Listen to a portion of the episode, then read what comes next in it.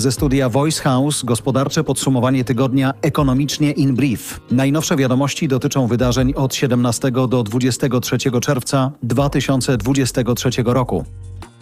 Polska osiągnęła nowy rekord w poziomie konsumpcji gospodarstw domowych, który w 2022 roku wyniósł 86% średniej unijnej. Rok wcześniej byliśmy na poziomie 84%. W tym czasie prześcignęliśmy Hiszpanię i Czechy, oddaliliśmy się też od Portugalii i Malty, z którymi w 2021 roku byliśmy na tym samym poziomie.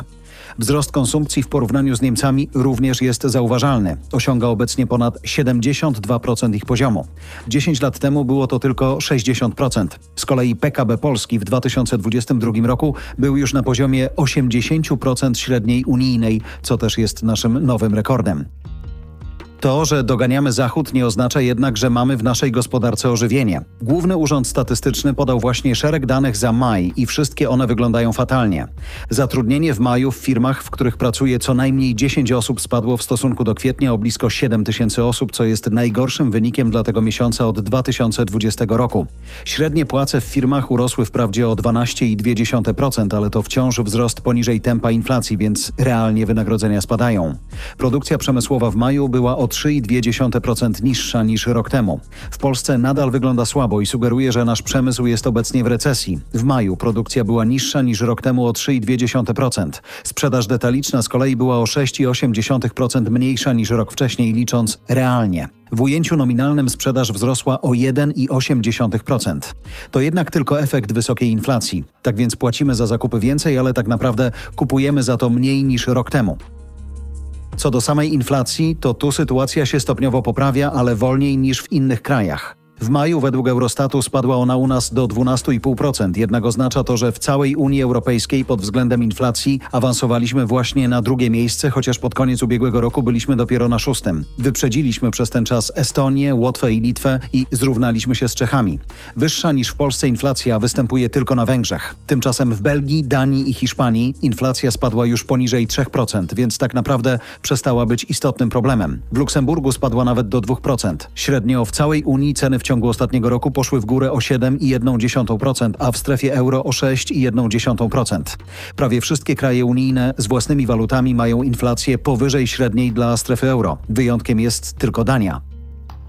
Sporo ciekawych rzeczy dzieje się ostatnio na warszawskiej giełdzie. Przebojem tygodnia były akcje elektrociepłowni Będzin, które podróżały od początku czerwca z poziomu 6 zł 75 groszy za sztukę do 88 zł, czyli ponad dziesięciokrotnie. Sytuacja wyglądała kuriozalnie, bo nie był znany żaden powód takiej zwyżki notowań.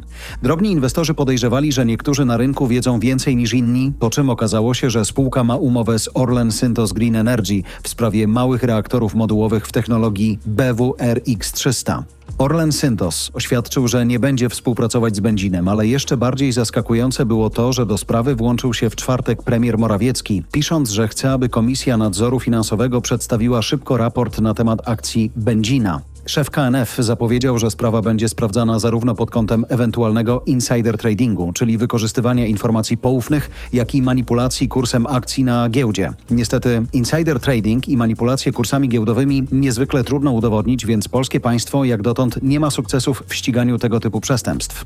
Z komunikatów giełdowych elektrociepłowni Będzin wynika, że w ostatnich dniach jej akcje skupowała głównie spółka Altum, w której prezesem jest były kandydat na radnego z Prawa i Sprawiedliwości.